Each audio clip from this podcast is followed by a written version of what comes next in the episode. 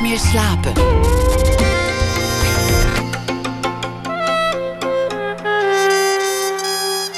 Met Floortje Smit. Welkom bij Nooit meer slapen. De vijf uur durende theaterthriller The Nation die gaat over een zoektocht naar een elfjarige jongen die is verdwenen. Maar het gaat ook over de multiculturele samenleving, over wantrouwen en over vooroordelen. Rond half twee spreken we met regisseur Erik de Vroet. Ook bellen we met uh, scenario-schrijver Frankie Ribbens. Hij won vandaag de Kees Holierhoek scenarioprijs voor de serie Hollands Hoop. En Gerard van Emmerik die eh, leest een verhaal voor bij het nieuws van de afgelopen dag. Maar eerst, het uh, komende uur zit tegenover mij sportjournalist Willem Vissers. Of de voetbalverslaggever van de Volkskrant niet eens een boek voor ze wilde schrijven, vroeg uitgeverij Lebowski hem. En dat wilde Vissers wel, maar dan niet over voetbal of iets dergelijks. Hij wilde schrijven over zijn meervoudig gehandicapte zoon Samuel. Gelukkig vonden ze dat daar een heel goed idee, want het resulteerde in een hele mooie reeks columns in de Volkskrant. En die verhalen, plus nog wat extra stukken, die zijn nu gebundeld in Samuel, Chroniek van een ongewoon gezin. Een boek als een eerbetoon is het. Waarin Vissers niet alleen over Samuel schrijft, maar ook over zijn vrouw, over zijn andere twee zoons, over de vaste oppas, uh, over de kinderen met wie Samuel een kinderdagcentrum deelt enzovoort. Het is een boek bovendien wat niet de hele tijd wil benadrukken hoe zwaar het is leven met een gehandicapt kind. Vissers beschrijven bijvoorbeeld prachtig hoe heerlijk het is dat ochtendritueel waarbij hij en Samuel elke morgen even met de vingertoppen over elkaar wrijven. Friemelen noemen ze dat. En hij beschrijft ook hoe bevrijdend het kan zijn eigenlijk om het uh, streven naar perfectie los te laten. Welkom, Willem. Hallo. Hi. Was dat, had je dat van tevoren bedacht? Ik wil een luchtigere kijk laten zien op, uh, op het leven met een, een kind met een handicap? Dat had ik deels wel bedacht, maar deels is het gewoon zoals ik ben. Dus dat ging eigenlijk meer of meer vanzelf. Het is bij mij nooit echt opgekomen om. Uh, ik wist wel dat er meer mensen zijn die boeken en blogs en, en, en, en uh, stukjes over gehandicapte kinderen schrijven. Maar daar had ik eigenlijk nooit zoveel van gelezen. Maar ik had wel eens van gehoord. En ook dat, dat, er, dat er veel uh, geklaagd wordt. En, en uh, daar had ik sowieso geen zin in. Dus dat wilde ik niet. En mijn vrouw ook niet. we staan heel positief in het leven. En ja, dat hebben we ook proberen in die columns zo, te, zo te schrijven. Want we schrijven ze eigenlijk min of meer samen. Ik bedoel, ik schrijf ze, maar zij... We hebben van tevoren echt een soort interviewtjes bijna. Hoe, ja, want hoe doe je dat dan, samen schrijven? Nou ja, we, hebben heel veel onderwerpen bepaald, deels samen... van waar zouden we het allemaal over kunnen hebben. We wisten van, we gaan het ongeveer een jaar, ga ik dat doen. Nou, onderwerpen opgeschreven. En uh, nou, dan, kijken we wat deze week misschien een aardig onderwerp is. En dan praten we er samen over. En dan zeggen we, nou, wat weten we nog van... Uh, de bureaucratie of het PGB... of wat weten we van het eten... of wat weten we van hoe gaat dat precies. Nou, dan vertelt zij meestal wat dingen... En dat vul ik aan. En dan ga ik schrijven. En dan gaat zij als een soort eindredacteur er weer doorheen. Waarom wilde je het eigenlijk? Want het, je, je, schrijft uh, doorgaans over sport. Waarom wilde je zo'n persoonlijk verhaal opschrijven? Nou, ik denk omdat ik ook in de sport wel vrij persoonlijk schrijf. maar, maar, maar ja, goed, persoonlijk schrijven over sport... het is toch altijd afstand. Ik kan wel proberen een persoonlijk verhaal te maken over uh, uh, Clarence Seedorf... of over Bert van Marwijk of over wie dan ook. Maar er blijft toch een bepaalde distantie het zijn geen mensen waar ik... Ik vind ze uh, aardig en lief, maar ik, het zijn geen mensen waar ik echt van hou. En hier heb ik echt een uh, columns kunnen schrijven over mijn gezin. En omdat het een beetje, wat, wat de ondertitel ook zegt... een ongewoon gezin is... dacht ik, ja, misschien is het aardig om om daar uh, over te schrijven. Ook omdat ik bijvoorbeeld... Ik ben één jaar chef sport geweest. En dan zat ik in de vergadering, uh, s ochtends vaak. En dan ging het wel eens over de zorg. En dan zei ik wel eens iets in die vergadering. Had ik wel eens een inbreng. En dan zei iemand... Ja, het zei andere mensen... Ja, jij kunt het eigenlijk wel weten, want jij hebt zelf een gehandicapt kind. Toen dacht ik, ja, misschien, misschien moet ik daar ook eens over gaan schrijven. Want lang niet iedereen heeft dat. En heel veel mensen vinden er wel steun uit.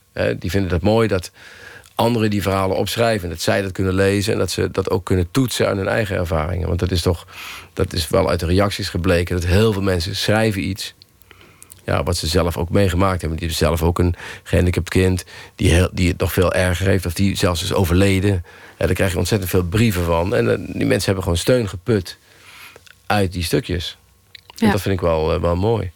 Het is wel, je zei net, eh, de andere stukken die ik schrijf zijn ook persoonlijk, maar er zit een zekere distantie tussen. Die distantie kan ook wel lekker zijn natuurlijk. Je moet wel misschien een barrière over om zo persoonlijk te worden. Ja, dat was ook al moeilijk. Ik bedoel, ik heb elke keer die column geschreven en dan wilde ik altijd toch wel afwachten wat Beniek, mijn vrouw, dus daarvan vond. want eh, eh, we hebben eigenlijk wel bijna alles geschreven. Ik vond het wel heel opvallend. Ik kreeg pas geleden een mail van, van Hanneke Groenteman en die was heel erg lovend eigenlijk dat ik bijna niet kon voorstellen. Dat ik dacht eerst dat dat, moet in haar opdracht uh, verzonnen zijn of zo. Dit kan bijna niet. Dat een vrouw van die leeftijd en die status uh, zo bijna. Ze schreef ook letterlijk van het is bijna dweperig wat ik schrijf. Maar ze vond het echt uh, geweldige stukjes. Maar zij schreef ook, het is toch een soort, denk ik, een gestileerde versie van de werkelijkheid. Nou, toen heb ik haar teruggeschreven dat dat volgens mij ook wel zo was. Maar later ging ik er eens goed over nadenken. Toen dacht ik, ja, eigenlijk is het helemaal niet zo gestileerd. Want ik, er is maar heel weinig waar ik niet over geschreven heb. Uh, en, en, en, en dus zo gestileerd is het helemaal niet. Dit is eigenlijk gewoon wat er gebeurt en hoe het bij ons toegaat. En natuurlijk hebben wij ook wel eens oneenigheid. Heb ik dat misschien niet allemaal opgeschreven. Maar ja, over het algemeen heb ik eigenlijk bijna alles wel aangestipt. En, en, en heb ik daar ook geen schroom voor. Ik vind ook als je het dan doet... als je dan zo persoonlijk gaat schrijven... dan moet je ook wel een beetje het achterste van je tong laten zien. Dan hebben de mensen er echt iets aan. Als ik alleen maar ga schrijven dat het bij ons zo uh, geur en maneschijn is... terwijl dat helemaal niet is, dan vind ik het uh, redelijk zinloos. Laten we het eens hebben over, over Samuel. Want er zijn mensen die misschien nog niet, uh, die nog niet weten wie die is. Ondanks uh, zijn, zijn bijna beroemdheid, uh, geloof ik. Um, hij heeft het syndroom van Kleefstra. Maar dat zegt waarschijnlijk ook bijna niemand nee, iets. Het is een DNA-defect. Je kunt het beste... Het DNA is, is, is zeg maar een soort letterreeks... eigenlijk als je het zou moeten vertalen. En er is eigenlijk één lettertje uitgevallen. Waardoor eigenlijk dan krijg je een soort effect... Ja, hij heeft dus autisme, hij heeft epilepsie. Tenminste, dat, epilepsie is nu onder controle, omdat hij medicijnen heeft. Maar dat heeft hij gehad. Hij is redelijk klein. Hij is 16 jaar en hij is uh, 1 meter 56, denk ik, 57. Blijft ook redelijk klein. Zijn, je kunt het zien aan zijn wenkbrauwen die een beetje apart staan. Hij heeft ook nog een landschapstong. Dat betekent dat er een soort witte vlekken op zijn tong zitten. Uh, hij heeft een lage spiertonus, dus hij kan zonder spalken kan hij niet lopen. Hij heeft leren lopen toen hij tien was. Toen heeft hij zijn eerste stapjes gezet. Maar hij kan dus, als hij zijn spalken niet om heeft, dan, dan kan hij niet lopen. Want hij heeft gewoon ja, hele slappe... mijn zus, toen die hem de eerste keer zag, die deed zo aan zijn vingers en zo. Die zegt, oeh, dat wordt later een goede turner. Die kan echt uh, helemaal op zijn enkels. Die kon je bijna helemaal de andere ja. kant op zetten, bij wijze van spreken. En uh, bijna Playmobil-achtig kon je eraan draaien.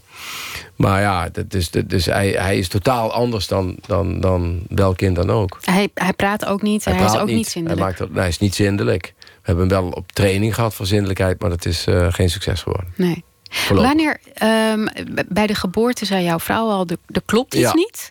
Ja, die had het moedergevoel. En uh, hij was uh, redelijk apathisch. En, en, dus hij keek eigenlijk een beetje door je heen. Er was eigenlijk geen hij deed ook die, die testen die ze vlak na de geboorte doen. Dat ze een kindje zeg maar, zo een beetje over het bed laten... Uh, uh, zeg maar de reflexen die waren ook niet allemaal goed. En hij, uh, ja, hij ging zich niet ontwikkelen. Dus hij, hij lag eigenlijk alleen maar. Hij zat een beetje tussen een beetje kussens in. En ja, hij, hij, deed gewoon niks. Dus we konden wel vrij snel merken dat, hij gewoon, dat er iets niet aan, in orde was. Jullie hadden ook een kind, dus je, je wist we ook wel... Er al eentje, dus, en je weet het ook van andere mensen natuurlijk. En hij komt bij het consultatiebureau. En ja, we hadden redelijk snel in de gaten dat het niet klopte. Maar we hebben jarenlang gewoon niet geweten wat hij dan had. Hij had geen down, hij had geen uh, ja, allerlei syndromen, red-syndroom, uh, wat er ook bestaat allemaal. Dat had hij allemaal niet. Maar wat hij wel had, daar kwamen we niet achter. En daar hebben we op een gegeven moment zijn we er ook mee gestopt om dat uit te zoeken. Uh, we zijn eigenlijk mee gestopt toen we waren bij ons in de straat. Er was een man en die was een soort natuurgenezer. En die zei op een gegeven moment tegen ons... ja, maar ja, ik, ik breng hem aan mij en dan is het zo opgelost. Ik kan het allemaal oplossen. Nou, toen hebben we dat bedacht... oké, baat het niet, dan schaadt het niet hebben we meegenomen. Dus drie of vier huizen verder naar die man. Toen moest Bernique die moest een, foto van Samuel meenemen. Die moest ze op haar buik leggen.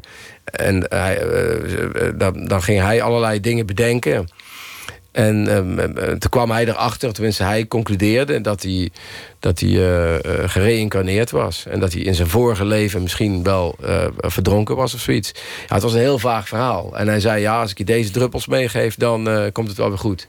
Nou, dat hebben wij ook nog gedaan. Er waren een soort homeopathische druppels. Maar het hielp natuurlijk allemaal niks. En toen dachten we, ja, we gaan er nu mee stoppen. Want we, hebben, we zijn nu blijkbaar zo ver heen... dat we, dat we dit nog een soort van kredietwaardigheid hebben gegeven ook. Dus dat, dat, dat vonden we gewoon, uh, waren eigenlijk een beetje boos op onszelf. Dat we hier überhaupt mee in zee waren gegaan. En toen hebben we, zijn we ermee gekapt. En we dachten, nou, dit is Samuel, dit is see. What you see is what you get. Echt een uh, keerpunt dus, eigenlijk. Ja, toen hebben we dat gewoon geaccepteerd. En het is een lieve jongen en hij is alleen anders. Nou ja, goed, kijken maar hoe dat, hoe het verder afloopt. Maar het probleem is alleen dat je ja, bij alles wat je aanvraagt... of bij, bij elk bureaucratisch dingetje wat je hebt. Dan willen ze weten wat iemand heeft. En we kregen bijvoorbeeld elk jaar kregen we wel gewoon een brief van, tenminste in het begin van, uh, ja, hij is leerplichtig en wanneer gaat hij naar de school, naar een normale school? Ja, nee, maar hij kan niet leren, want hij ontwikkelt zich niet. Ja, dan moest je elke keer weer, alles moest weer elke keer opnieuw. Ja. Je hebt dus, zo'n labeltje echt nodig voor Je hebt eigenlijk een labeltje nodig. Dus op een gegeven moment heeft hij dan een zware epilepsie gehad, maar dat is al jaren later, 2014. En toen hebben ze zijn bloed opnieuw onderzocht. En toen hebben ze dat Kleefstra-syndroom ontdekt. Dat was al eerder ontdekt. Dat is in 2005 of 2006 is dat ontdekt... door dokter Kleefstra uit, van het Radboud in uh, Nijmegen. Maar goed, hij was dus een jaar of bijna tien niet meer onderzocht. We hadden eigenlijk geaccepteerd. En in de tussentijd is dat Kleefstra-syndroom ontdekt. En uh, dus nu heeft hij dat. Wanneer realiseerde je dit is... Want je, als je een kind krijgt, ga je, je gaat een toekomst bouwen in je hoofd. En je hebt, je hebt daar ideeën bij. Hè? Je weet ook, nou ja, 18 gaan ze ongeveer het huis uit. Wanneer realiseerde je van dit is onvoorspelbaar hoe dit uh, verder gaat? Ja, eigenlijk vanaf het begin. Als je weet dat je, eh, dat je, dat je zeg maar een gehandicapt kind hebt... ook als je nog niet weet uh, wat hij precies heeft... dan weet je, ja, dit gaat een heel andere weg worden dan met die andere jongens. die andere jongens die ja, die, die, die groeien en die gaan naar school en die hebben vriendjes en die gaan op de voetbalclub. En, uh, en dan kunnen ze het niet zo goed of ze kunnen het wel goed. En dan gaan ze weer naar een andere sport. En ze hebben dus een probleem want ze worden gepest of ze worden niet gepest. En dat gaat eigenlijk allemaal min of meer vanzelf. Als het niet uh, die kinderen geen grote problemen krijgen hè, dat, ze, dat ze heel erg gepest worden of dat ze uh, ja gewoon niet mee kunnen op school of wat dan ook dan ga je je zorgen maken. Maar anders gaat dat min of meer vanzelf en je weet ook, dat die oudste is nu naar eh, Tilburg gegaan. Die is gaan studeren. Ja, van de ene kant denk je, goh, wat jammer dat hij nou het huis gaat. Het is een gezellige jongen. Van de andere kant, het hoort wel een beetje zo te gaan. dat is ook mooi aan het leven. Ze maken zich los. En dan later komen ze wel weer terug bij de ouders. dan, dan, dan, dan eh, god, zoals vanavond was die eten. En dan is het toch weer hartstikke gezellig. Weet je? Dan is hij een paar dagen niet thuis geweest, of een paar weken. En dan heeft hij verhalen. En, dan, en dan, dan gaat hij nog stappen met een paar maten van hem. En dat is allemaal leuk. Maar bij Samuel weet je het gewoon niet. Want die heeft ons eigenlijk zijn hele leven nodig. Vanaf nu en vanaf altijd. En die kan nooit zelfstandig zijn. En dat is best wel, dat vind ik eigenlijk wel het moeilijkste. Dat, dat hij, uh, ja, zeg maar, ik ben 53 nu, maar als ik over 20 jaar een, een oude zak ben, om het zo maar even uit te drukken, ja, dan is hij uh, eh, 36. En, en, en hoe is de zorg in Nederland dan georganiseerd? Hebben we daar dan geld voor over? Of is er een of andere politieke leider gekomen die heeft gezegd van... Uh, ja, maar wat moeten we nou met mensen die niks kunnen? Die kosten wel erg veel geld. Moet, kunnen we die niet gewoon een spuitje geven? Of kunnen we die niet ergens goedkoop bij elkaar zetten... zodat we er niet zoveel last van hebben? Ja, dat zijn wel dingen waar je nu druk om maakt. Maar, is het, maar... maar dat is het enige waar ik me eigenlijk druk om maak. Dat is meer de, de, de, de verre toekomst. En niet morgen en ook niet overmorgen, maar eigenlijk over twintig jaar. Ja, je, zei, je, je, schrijft ook ergens in het boek: schrijf je een, een suicidaal of een, een crimineel of een verslaafd kind. Um, dat leek je eigenlijk gewoon erger. Is, dat, is dat een instelling? Hoe uh, duurt het lang voordat je die instelling hebt? Of... Nou, dat is eigenlijk dat bijvoorbeeld dat suicidaal is gekomen. Ik had een kennis en die had een, een, een, uh, een, een, een, niet, ja, suicidaal kind. Terwijl dat was een heel normaal gezin, heel, alles voor elkaar. Uh, ook drie kinderen. En ik was een keer bij, bij haar op bezoek. En ze zegt, ja, uh, een van onze kinderen wil eigenlijk niks meer. En ik durf eigenlijk nauwelijks nog boodschappen te gaan doen. En dan ben ik gewoon bang dat hij... Ja, ik durf eigenlijk gewoon het huis niet uit. Ja, en dat lijkt me veel erger dan Samuel. Die eigenlijk altijd vrolijk is die, die lacht, die, die in principe een heel plezierig leven heeft. Alleen, hij heeft geen rendement, om het maar eens heel erg oneerbiedig uit te drukken. Dus hij kost de staat geld, hè, want hij moet met een taxi opgehaald worden. Hij zit in een, in een, in een, in een, in een schooltje waar, waar, waar wij spreken... Uh, waar hij met zijn zeven of zo in de klas zit... en waar twee of drie personeelsleden zijn. En, dus hij is een dure burger, om het zo maar even uit te drukken. En dan heb je wel zoiets van, ja, ik vind dat niet erg... maar ik snap wel dat mensen zijn, ja, die zeggen... Oh, een dure burgers, daar moeten we niet te veel van hebben. en, en, dus dat is wel moeilijk. Maar het lijkt me veel moeilijker om een kind te hebben... die eigenlijk alles kan, die goed kan leren... die alles heeft, die als hij een nieuwe iPhone wil... een nieuwe iPhone krijgt. Die als hij op vakantie naar uh, Zuid-Spanje wil zeggen ze ouders, nou, dan gaan we naar Zuid-Spanje. En die toch eigenlijk op een gegeven moment niks meer wil. En dat hoor je heel veel bij jeugd tegenwoordig. Dat ze toch depressief zijn. Eh, dat ze, eh, ondanks dat ze eigenlijk in materieel opzicht alles hebben... niet gelukkig zijn. Die op school niet naar de zin hebben. Die eigenlijk niks willen. Ja, dat lijkt me veel moeilijker. Of je zal maar een kind hebben, die heb ik ook meegemaakt... van kennis en zo, die die zwaar aan de drugs is gegaan. ik bedoel, die verslaafd zijn. En niet dan aan, aan een beetje blowen, maar gewoon aan echt harddrugs. En dat je elke keer weer denkt van ja, als mijn kind nou... Eh, het is vier uur s'nachts. En je kunt wel vermoeden wat je kind aan het doen is. Maar je weet het niet zeker. Maar je hebt wel een heel sterk vermoeden. En je kunt daar gewoon eigenlijk niks aan doen. Omdat hij zich gewoon niet meer laat uh, sturen... of niet meer laat aanspreken of niet meer... Ja, dat lijkt me veel erger dan dit, waar wij niks aan kunnen doen. Hij is geconcipieerd. Nou, hij is er zo uitgekomen. Er is een, een, een conceptiefoutje zit erin, een constructiefoutje. Dat had bij iedereen kunnen gebeuren. En dat is bij ons gebeurd. Nou, dan moeten wij maar daar zo goed mogelijk uh, mee omgaan. En dat, eh, als dat het moeilijkste is wat me in mijn leven overkomt... Nou, dan mag ik eigenlijk alleen maar blij zijn. Jij en, uh, en uh, Berniek zijn, zijn echte jeugdliefdes hè, van elkaar. Ja. Uit echt? Uit echt. Nou, zij is een stuk jonger dan ik. Toen ik haar de eerste keer zag, toen waren we wel geschrokken van het leeftijdsverschil. Ik ben 23, was ik toen. 23 en zij 16. Zeven jaar, dat valt toch best wel mee. Ja, maar dan is dat nog veel. Nu is dat niet meer zoveel, maar toen was het nog best veel. Ja. En uh, ja, dus we kennen elkaar al 30 jaar, zeg maar. En, en uh, ja, het leuk is nog, wat ik altijd wel aardig vind om te vertellen... is dat haar moeder was verloskundige. En die heeft zeg maar, mij op de wereld geholpen. Dus de grap is altijd dat haar moeder... mij eerder naakt heeft gezien dan mijn vrouw. Ja. En hoe heb je er verleid eigenlijk? Nou ja, het was een, echt had in die tijd een, een goede reputatie op discogebied. We kwamen uit, uit, uit Roermond, Sittard. Er waren wel veel cafés daar in die steden... maar er waren eigenlijk geen disco's. En echt had drie dampende disco's. De Stoba, uh, Spee en Majestic. En de Stoba was een beetje hardrockerig. Ik heb pas nog een keer met Rick de Leeuw gesproken. Die zei, oh, de Stoba, daar heb ik zo vaak opgetreden, zei hij. Majestic, dat is ook niet zo heel lang open geweest. Een jaar of drie, vier maar. En Spee, dat was echt een discotheek waar hele omgeving naartoe kwam. Ja, en daar heb ik haar ontmoet. Ik had haar al eerder gezien. Uh, omdat haar vader een uh, drogisterij had. En ik werkte toen voor zo'n plaatselijk uh, krantje. En ik moest wel eens een stukje maken over de samenwerkende ondernemers of zo. En daar was hij de voorzitter van. Dus was ik bij haar thuis geweest. Het heeft zij nog, maar het was misschien 13, koffie voor me ingeschonken. Dat is wel te jong, 13. Dat is echt te jong, ja. ja, ja. En, uh, maar toen heeft zij al een notitie over mij gemaakt in het dagboek. Heeft ze later eens verteld. Dus het was misschien wel een beetje voorbestemd. En, en uh, wij, wij wonen hemelsbreed, komen wij 800 meter bij elkaar vandaan. Dus uh, ja, ik heb haar toen gezien. En dat is eigenlijk altijd goed gelopen. Hoewel ik nog eerst ik ging vlak nadat we verkering kregen, ging ik bij het ANP in Den Haag werken. Nou, zij bleef natuurlijk nog bij de uh, vader en moeder wonen, want ze zat gewoon nog op het VWO. Dus we zijn pas na jaren eigenlijk uh, uh, bij elkaar gaan wonen. Denk je dat het die, is het die gemeenschappelijke geschiedenis of is het misschien die gemeenschappelijke achtergrond wat, wat jullie relatie zo hecht maakt? Nou, ik denk wel, alle, wij zijn allebei wel opgegroeid in, in, in, een, in een goed gezin. In de zin van ja, hecht en, en, en, en, niet te veel gekke dingen doen. En ja, mijn ouders zijn, die waren heel erg vrij, vrij katholiek, wel redelijk streng. Die komen, allebei, die komen allebei uit Holland, dus die zijn eigenlijk... Mijn moeder komt uit Schagen en mijn vader uit Rotterdam.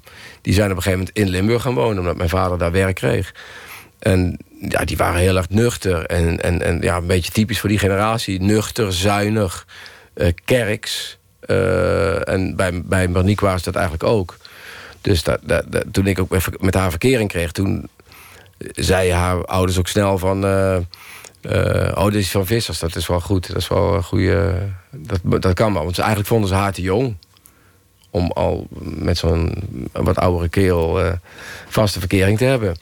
Maar vrij snel zat dat wel goed. Zij, zij zorgt er eigenlijk voor hè? Dat, dat alles uh, ruilt en zeilt bij jullie thuis. Nou ja, we doen heel veel samen, maar zij is de, de administratieve. Ja. Uh, zij regelt de persoonsgebonden budgetten. En, en alle andere dingen. En zij is ook uh, beter daarin dan ik. Want zij heeft bijvoorbeeld... Kijk, ik ben best brutaal in mijn werk. Als ik iemand moet bellen, dan ben ik best... Voor, maar ik ben heel slecht in bijvoorbeeld mensen afpoeieren of zo. In het, als het niet om mijn werk gaat. En dan ben ik ook niet vasthoudend. Maar zij, als je met haar dus... Uh, als, als, als bureaucraat te doen krijgt... dan, dan, heb, dan is het kwaad, kwaad kersteten, noemen ze dat. Maar het is ook wel de reden dat jij als, als sportverslaggever nog steeds naar al die, die EK's en WK's komt. Dat is, dan ben je toch gewoon vrij lang van dan ben huis. Ik lang weg. Ik ben, ja, dat is, dat is ook wel, wel moeilijker geworden. Uh, want uh, ik ben veel thuis. En ik werk heel veel thuis. En dat zou ik, als ik op een andere redactie werkte, veel minder hebben. Want die zijn veel meer, hebben, uh, ja, zijn ze gewoon toch overdag gewoon op de krant. En ik ben heel veel op pad, maar ik ben ook daar ook heel veel. Ik tik heel veel verhalen thuis. Alleen als ik naar het WK moet, zoals volgend jaar in Rusland, ja, dan ben ik vijf, zes weken ben ik de deur uit. En dan moet zij alles alleen doen. Dus dat, dat, dat vind ik wel moeilijker, omdat het ook moeilijker wordt met Samuel. Maar ja, goed, dat, kijk, als zij dat niet meer zou redden, dan moet ze het mij zeggen. En dan, dan, uh, dan zou ik daarmee stoppen, als zij dat niet meer aan zou kunnen. Maar tot nog toe heeft ze steeds gezegd van, doe dat maar, want jij vindt het leuk. En ik red het hier wel. Ze heeft zelfs een keer het hele huis laten verbouwen ongeveer. Toen ik weg was. Want ze weet dat ik daar een hekel aan heb. Dus ik was weg en ik kwam eigenlijk terug uit Zuid-Afrika van de week aan. De halve huis was verbouwd. Dat heeft ze dan allemaal gedaan in de tijd dat ik weg ben. Want ze weet dat ik me heel erg ga ergeren op die, op die rommel en op die... Uh, uh, terwijl dat natuurlijk onvermijdelijk is als je iets gaat verbouwen. Zo'n WK bijvoorbeeld of zo'n EK... dat is een, een soort idiotenbubbel, kom je volgens mij in. Het is alsof de hele wereld alleen maar ja. om dat voetbal draait. Is dat ook niet dan, dan lekker? Om daar af en toe dan in te ja, verdwijnen? Ja, dat is lekker, maar er zijn ook collega's die er niet zo goed tegen kunnen. En je ziet veel collega's een beetje afhaken als ze kinderen krijgen. En dan vinden ze het te moeilijk worden. Maar je moet je daar een beetje voor afsluiten. Je moet ook niet elke dag, vind ik, want dat is mijn manier... niet elke dag uh, heel te gaan zitten skypen en zo. Met, uh, dat, dat moet je allemaal niet doen. Uh, je moet, kinderen die, die, bij ons begrijpen ze dat ook gewoon goed. Die hebben het altijd goed begrepen. Het is net als met, met soldaten. Ja, je moet naar Mali toe. Je wordt uitgezonden naar Mali. Ja, dan ben je vier maanden ben je niet thuis. Ja, dat is, papa zijn werk is soldaat en die moet naar Mali toe.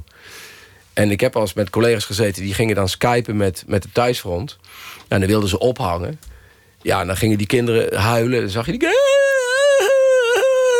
En dan gingen ze nog maar niet ophangen. En, en, en, en nog een keer... Ja, maar papa moet nu echt ophangen. Ja, dan denk ik, kom op, ga dan een ander vak doen. Je moet gewoon op een gegeven moment... En dan kun je wel zeggen, ja, dat is hard. Maar ik vind gewoon... Dat hoort ook bij de opvoeding. Je hebt dit vak gekozen. Dan doe je dat met je, met je hart... En als je dat niet meer kunt, of als je kinderen daar niet meer tegen kunnen... ja, dan moet je gewoon aan de krant vragen... mag ik eindredacteur worden? Of mag ik uh, uh, uh, een ander ding doen... wat, gewoon bij, wat je op, op kantoor kunt doen? Maar je kunt het niet uitleggen aan Samuel? Nee, dat kan ik niet uitleggen. En die... Ik weet ook niet, dat, ze kan niet meten in hoeverre die mij mist... in hoeverre die dat snapt. Dat kan ik gewoon niet goed meten. Want ik ben wel eens teruggekomen nadat ik lang weg was geweest... dat hij heel blij reageerde. Maar ik heb ook wel eens gehad dat hij gewoon... het voor kennisgeving aannam dat ik er weer was. Dat hij net zijn dvd'tje zat te kijken en dacht van... ja, ik vind het leuk dat jij nou binnenkomt. Maar de Teletubbies zijn echt even belangrijker dan, dan jij nu. Dus dat is heel verschillend bij hem. Hij reageert nogal... Ja, in principe reageert hij hetzelfde, maar ook weer niet. De manier waarop je het gezin beschrijft is... is het is een heel um, uh, hecht gezin. Het is, um, uh, jullie doen liever niet aan patiëntenverenigingen... of ehm, jullie gaan niet naar speciale ingerichte vakantiepark. Jullie zijn graag met elkaar. Nou, ik, ik, ik vind het ook voor die andere kinderen niet leuk om... Kijk, mijn jongste bijvoorbeeld, die, die, die, die voetbalt heel graag. En die, ja, die, die, ik vind het gewoon niet leuk om alleen tussen gehandicapten te zitten. Dat heeft niks met andere gehandicapten te maken. Maar ik probeer gewoon... Ja, de anderen willen ook wel... Ja, die oudste gaat nu niet meer mee, maar... Ja, ik wilde dat niet zo erg. Terwijl het misschien best wel... We zullen dat toch misschien wel een keer moeten geloven. Want ja, die aanpassingen zijn er niet. Het wordt met Samuel wel steeds lastiger. Want hij wordt zwaarder. Hij wordt, als je een keer het zwembad in wil... dat is gewoon echt in een, in een zwembad zonder aanpassing... is het gewoon lastig. Ja, want het, het, er is geen apart kleedhok. Dat is er vaak wel... Maar er zit dan iemand in die denkt... oh, dat is wel handig, zo'n groot hok. Dan gaan we daar lekker omkleden met z'n allen. Maar het is eigenlijk voor de gehandicapten. Dus dan moet je dan weer wachten tot die mensen eruit zijn. En uh, ook het zwembad zelf is eigenlijk niks aangepast. Dus je doet hem in het water, maar probeer hem er maar eens uit te krijgen. Iemand van 60 kilo. Dat is gewoon lastig. En hij heeft dan die spalken niet om, dus hij kan niet lopen. Dus we moeten hem allemaal tillen. Dus het wordt wel steeds lastiger om, om onaangepast op vakantie te gaan. Maar tot nu toe is het nog steeds gelukt. En de, de patiëntenverenigingen, waarom wil je daar niet... Ja, dat, is, dat, dat, dat, dat, uh, dat heeft ook denk ik te maken met... Uh, ik ben een keer gaan lunchen met een, uh, met een andere vader... die een Kleefstra zoon had. En die ging mij allemaal heel enge dingen vertellen... over die Kleefstra-patiënten. Dus, dus die begon op een gegeven moment te vertellen... ja, en in de puberteit krijgen die Kleefstra-kinderen... die krijgen uh, waanbeelden s'nachts. Maar dat wil ik helemaal niet weten. Want eh, dat is misschien wel zo, maar dan wacht ik dat wel af tot het zover is. Want dan kan ik toch van tevoren niks aan doen. En nu begon ik s'avonds te denken, toen hij een keer wakker lag... dacht ik van, hé, hey, de waanbeelden zijn begonnen. Terwijl dat misschien helemaal niet zo is. Hij krijgt misschien helemaal geen waanbeelden. Hij is misschien wel de uitzondering, wie weet. Dus ik wil gewoon de dingen die ik moet weten, die weet ik. Die weten we. Maar de rest willen we gewoon een beetje... schuiven we de toekomst een beetje voor ons uit. Wij leven dat betreft een beetje op de dag. Per dag, per week, per maand. En ik maak me wel in mijn achterhoofd al zorgen over, over 20 jaar. Maar ik probeer toch zoveel mogelijk de dag te plukken. Ja. En niet, en, en niet te veel me te laten afleiden door... Uh, ja, door, uh, door allerlei rampspoed. Ja. We gaan straks uh, verder praten. Na het nieuws dan uh, praten we verder met uh, Willem Vissers over zijn gezin en over zijn zoon Samuel natuurlijk. Ook bel ik straks nog even met scenario-schrijver Frankie Ribbens. Hij won vandaag een prijs voor zijn scenario van de televisieserie Hollands Hoop. Dat en meer straks na het nieuws van 1 uur.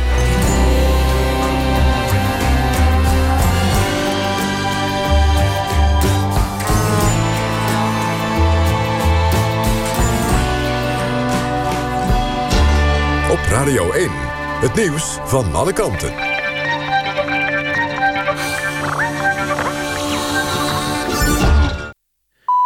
Het is 1 uur, Patrick Holtkamp met het NOS-journaal. Het Openbaar Ministerie is een onderzoek begonnen... naar het schuren van treinen in Tilburg... waar verf op zat met het schadelijke chroom 6. Honderden mensen hebben die treinen tussen 2004 en 2011 geschuurd... als reïntegratieproject. De gemeente en onderhoudsbedrijf NetTrain... zijn daar volgens onderzoek van het Brabants Dagblad nalatig bij geweest. De mensen werden niet goed beschermd tegen de kankerverwekkende stof die daarbij vrijkwam. Zo waren er op de werkplaats nauwelijks stofmaskers... en de schuurmachines hadden geen afzuiging. Er is een Europees arrestatiebevel uitgevaardigd... voor de afgezette Catalaanse regio-president Puigdemont... en vier Catalaanse ministers. Het Spaanse Openbaar Ministerie vroeg de rechtbank in Madrid donderdag al om een arrestatiebevel uit te vaardigen. De rechter heeft daar nu gehoor aan gegeven. De vijf worden verdacht van opruiing en rebellie... vanwege het uitroepen van de onafhankelijkheid van Catalonië. Ze zitten op dit moment allemaal in België. In Kaatsheuvel zijn afgelopen middag twee mannen overleden... in de buurt van een huis waarin een drugslab zat. Waarschijnlijk hebben ze chemicaliën ingeademd. In het lab werd speed gemaakt. Twee anderen zijn gewond naar het ziekenhuis gebracht. Of zij iets met de drugslab te maken hebben is niet bekend. Ze zijn niet aangehouden. Als de minister van Onderwijs niet met meer geld over de brug komt... wordt er op 12 december weer gestaakt in het basisonderwijs. Met dat ultimatum gaat actiegroep PO-front komende dinsdag naar Den Haag. Leraren, vakbonden en werkgevers willen dat er 1,4 miljard euro bijkomt... voor vernieuwing en vermindering van de werkdruk. Nu heeft het kabinet daar de helft voor uitgetrokken. Voetbal in de Eredivisie was afgelopen avond één wedstrijd. Heerenveen speelde tegen Sparta. Dat bleef 0-0. Het weer. Lokaal misbanken, maar het is zo goed als droog. Het koelt af tot 7 graden. Komende dag periode met zon, maar in het westen bewolking met soms regen. Het wordt 14 tot 17 graden. Dit was het NOS Journaal. NPO Radio 1. VPRO. Meer slapen.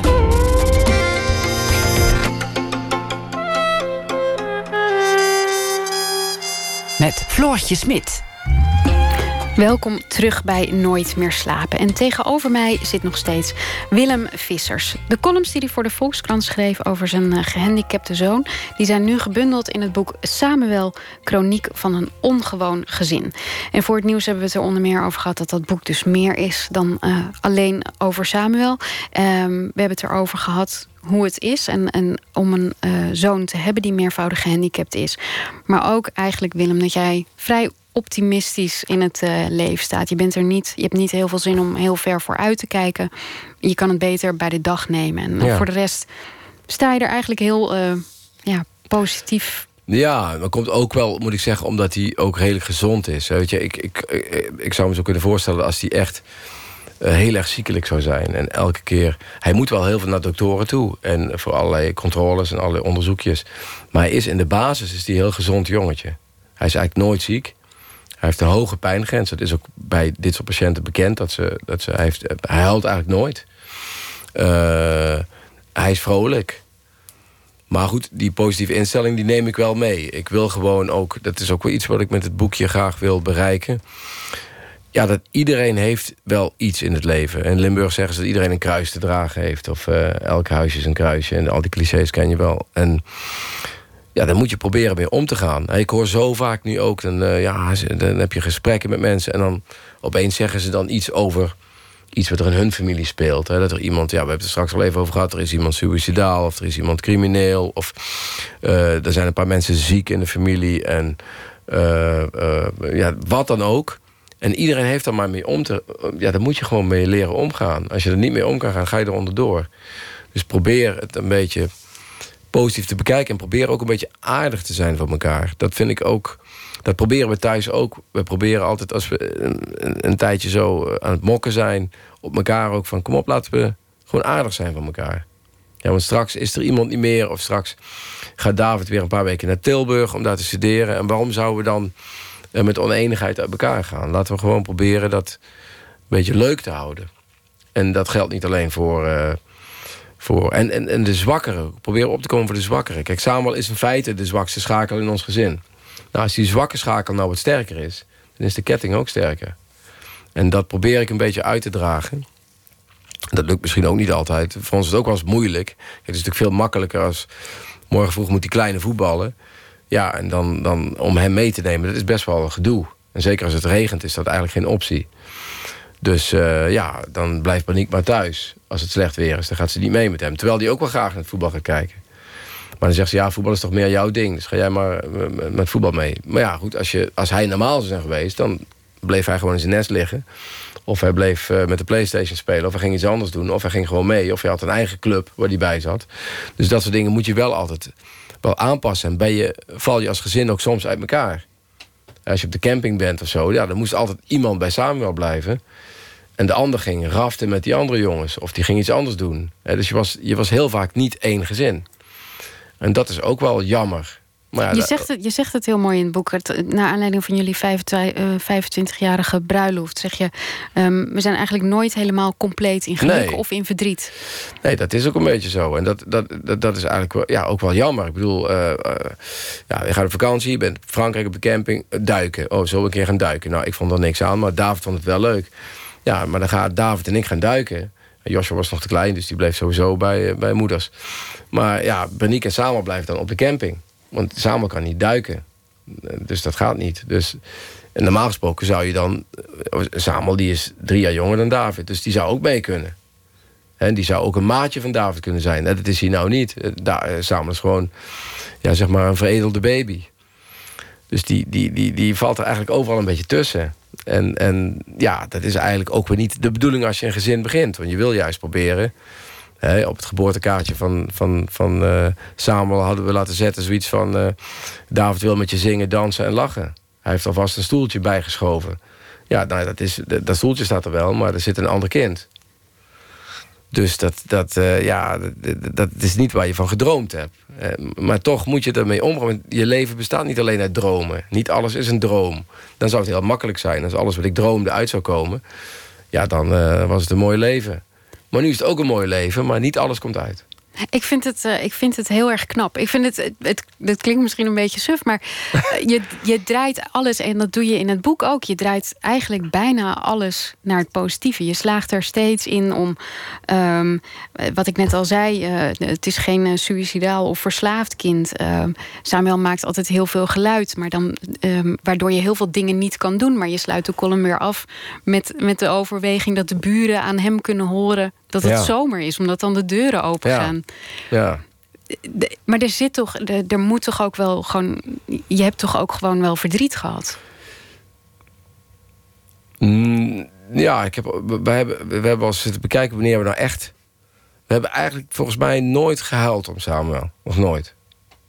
Ik geloof dat Bernique één keer gehuild heeft. En dat was toen ze het bed kwamen brengen. We hadden een speciaal bed voor hem besteld. We waren zelfs eigenlijk verhuisd voor Samuel. En dan moest hij een grote nieuwe bedbox hebben. Hij heeft echt het grootste bed ongeveer van ons allemaal. Maar dat hadden ze al helemaal in elkaar gelast in de fabriek. Dus ze kwamen het bed brengen. En toen zeiden ze van... Uh, nou, we komen het bed brengen. Ja, maar dat kon helemaal niet naar boven. Want dat was zo groot. Ja, toen zeiden die mannen... maar dan kun je het toch gewoon in de woonkamer zetten, het bed. Nee, meneer, we gaan niet in de woonkamer zetten. Boven zijn slaapkamer. Dus, maar dat onbegrip... En toen hebben ze dat bed weer gewoon in de fabriek weer helemaal uit elkaar gehaald. Toen zijn ze het opnieuw komen brengen. Maar daar hebben we eigenlijk meer verdriet van dan van hemzelf. Want dat hebben wij nooit zo... Ja, oké, okay, dat is gebeurd. we hebben ons er vrij snel overheen gezet. Maar het komt ook wel deels, moet ik zeggen... omdat hij, wat ik net zei, vrolijk is, lief is, lacht. Kijk, als hij heel erg... Uh, uh, ja, eh, constant zondevoeding zou moeten hebben... dan had ik het misschien ook wel erger gevonden. Maar ik zie hem altijd als een, als een gelukkig mens. En ik vind eigenlijk altijd... Geluk is in feite het belangrijkste. Gezondheid, maar goed, eh, geluk, dat hangt natuurlijk heel erg mee samen. Dus dat zeg ik altijd bij andere kinderen. Het interesseert me geen, geen, geen s'nachts. Of je nou de universiteit gedaan hebt of de LTS. Of, dat maakt me allemaal niet uit. Als je maar gelukkig wordt. En voor mij hoeven ze niet... Ik heb nooit... Ik heb het hele systeem op... op uh, mijn oudste zoon heeft op Mendel College gezeten. En dan kun je... In dat systeem kun je dan magister of zo... kun je naar zijn punten kijken. Heb ik nog nooit gedaan. In al die jaren dat hij daar gezeten heeft... heb ik nog nooit naar zijn cijferlijst gekeken. Ik heb wel af en toe gezegd... doe er nou wat aan. Dan probeer eens... Moet je wiskunde bijles hebben... want daar snapt hij niet veel van. Nou, uiteindelijk had hij een 7,2 voor zijn examen. Maar dat moeten ze toch uiteindelijk zelf uitmaken. Ik ga niet als ouder de hele dag erachteraan zitten... of iemand zijn huiswerk gemaakt heeft. Als ze het niet willen doen, dan doen ze wat anders. En dan gaan ze later, als ze 22 zijn... en ze komen erachter dat ze dan een of andere rare baan hebben... waar ze niet zoveel mee kunnen... dan komen ze vanzelf nog wel achter dat ze meer willen doen. Ik vind het belangrijkste dat ze gelukkig zijn. Dus ga op een sport waar je gelukkig van wordt. Zoek vrienden waar je gelukkig van wordt. Probeer ook aan andere mensen te denken. Uh, ben sociaal. Dat vind ik heel belangrijk, dat ze sociaal zijn. Dat vind ik eigenlijk belangrijker dan ehm, of ze... David is een hele sociale jongen bijvoorbeeld. Dat vind ik echt... Hij had een keer, dat staat ook in het boek, maar... We waren bij U2 in Dublin. En een goede vriend van mij is zijn vrouw verloren. Een jaar of acht geleden. En de uitvaartdienst is, en daar werd het nummer van U2 gespeeld... Running to Stand Still. Mooie ballade, schitterend nummer. Dat werd daar gespeeld. Nou, eh, wij gaan nu... Die vriend van mij ontmoet een nieuwe vrouw.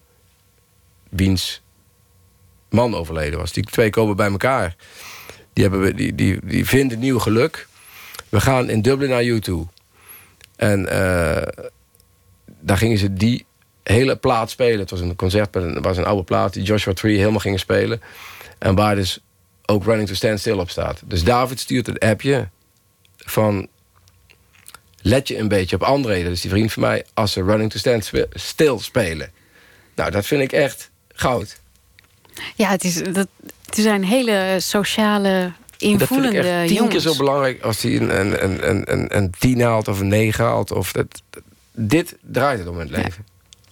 Maar het, is, het, het gaat natuurlijk ook om... Uh, ja, het klinkt misschien heel stom, maar om jouzelf. Want je hebt, jouw leven veranderde ook uh, op dat moment. Heb je daar nooit... Nee, ja, ik, ik, ik ben heel... Ja, goed, ik, ik ben uh, heel tevreden over mijn leven. Ik ben echt super gelukkig. Ik denk dat ik gelukkiger ben op dit moment dan ooit. Ik heb gewoon uh, drie ontzettend lieve kinderen. Ik heb een prachtige vrouw. Ik woon in een gewoon huis. Niet bijzonder, maar daar ben ik heel tevreden over. Ik heb werk wat ik leuk vind. Ik heb een hoop leuke vrienden. Uh, ik ben alleen wel minder... Weet je, ik was vroeger meer een uitgaanstype. En dat, dat merk ik wel, dat je, dat je rustiger wordt. Ik had er gisteren na de Wereld Door nog even over met Matthijs van Nieuwkerk. Hij zegt, hoe vind jij dat nou om ouder te worden? Ik zeg, nou, ik vind het niet zo erg. Hij zei, ik vind het heerlijk. ja, omdat rust. je gewoon een bepaalde rust krijgt. Je hoeft niet meer elke avond op pad. Ik zeg ook wel eens tegen mijn oudste zoon, die is nu natuurlijk nog in de leeftijd... dat hij, ik zeg, je kunt ook gewoon een avond thuis blijven. Gewoon lekker op je kamer, niks doen. Of je gaat iets aan je studie doen. Of je, doet iets, uh, je gaat uh, Netflix kijken of weet ik veel wat.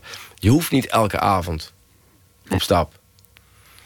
Ja, nou ja, goed. En dat, dat, uh, maar dat is, nu vind ik het lekker dat je gewoon thuis bent. En dat je iets leuks doet. Dat je een filmpje kijkt. Of je praat eens met je zoon. Of je zegt hoe het gaat op school. En een beetje gewoon leven. En dat, heeft, dat komt ook wel een beetje er samen wel.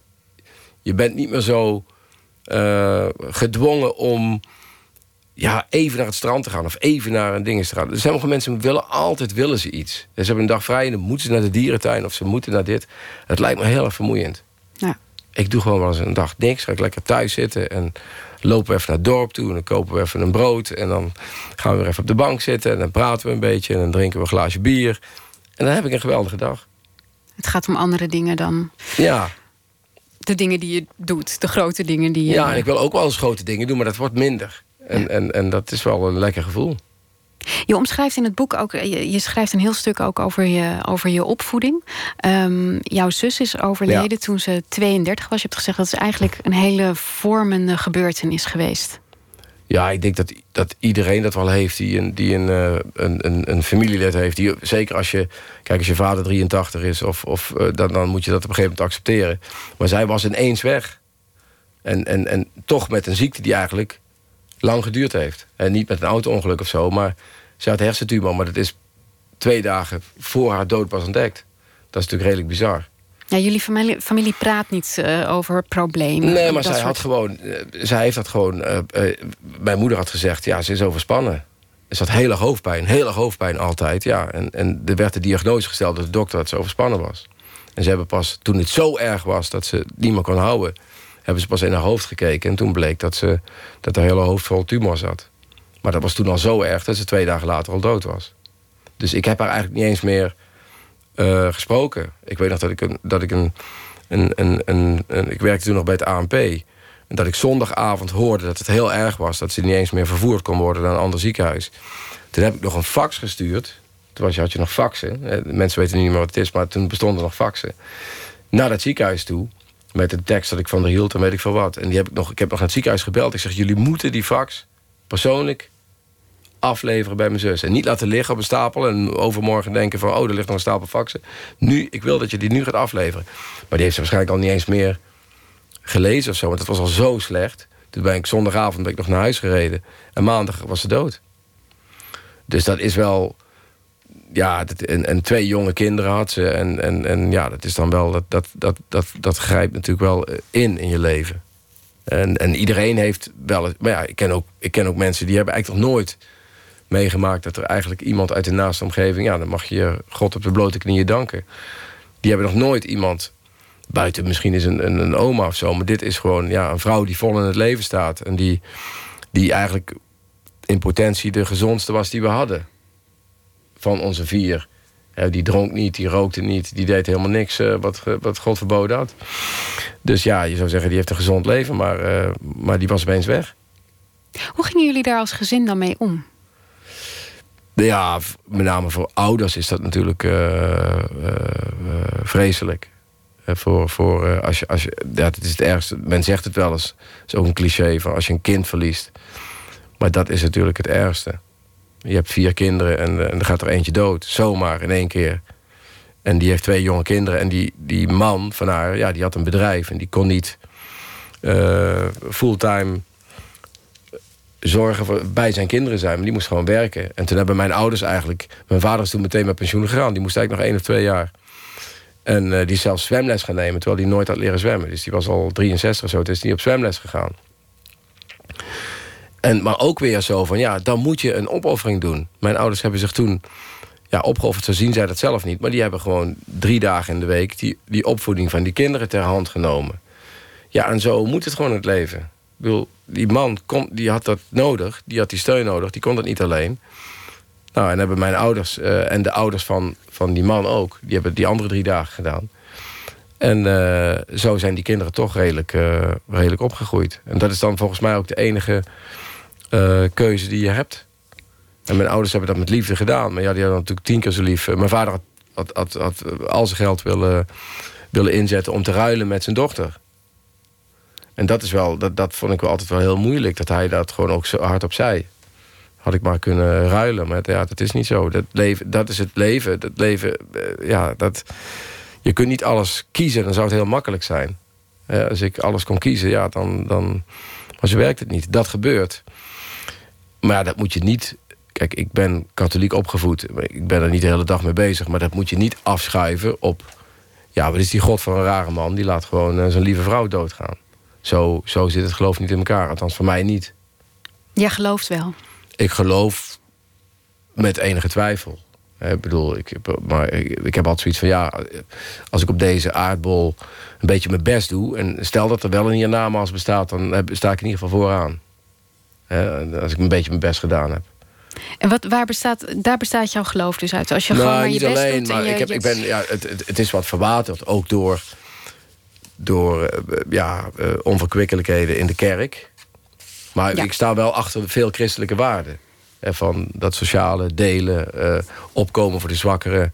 Dat vind ik, ik zou het ook socialistische waarden kunnen noemen... maar het zijn ook wel christelijke waarden. Maar ja, goed, wat er natuurlijk in de kerk gebeurt... is met misbruik en zo, ja, dat, dat heeft wel... een knauw gegeven aan hoe ik erover denk. Dus zeg maar het instituut kerk... vind ik ben ik wat van weggedreven. Maar de, de waarden die erachter zitten, daar sta ik nog altijd wel achter. Dus al mijn kinderen zijn ook gedoopt. Maar we zitten niet elke week in de kerk, dat niet. Dus het is een beetje diffuus, dat moet ik wel toegeven. Ik, wat ik er ik zag uh, gisteren zat je met de hele uh, familie bij, of met het gezin bij, uh, bij de Wereldrijd door zonder, zonder Samuel. Ja. Dus eigenlijk niet de hele, hele gezin. Nee, um, en jouw zoons deden er een beetje, hadden een beetje dezelfde instelling, vond ik. Ze, ze, zijn wat, ze waren heel laconiek en heel.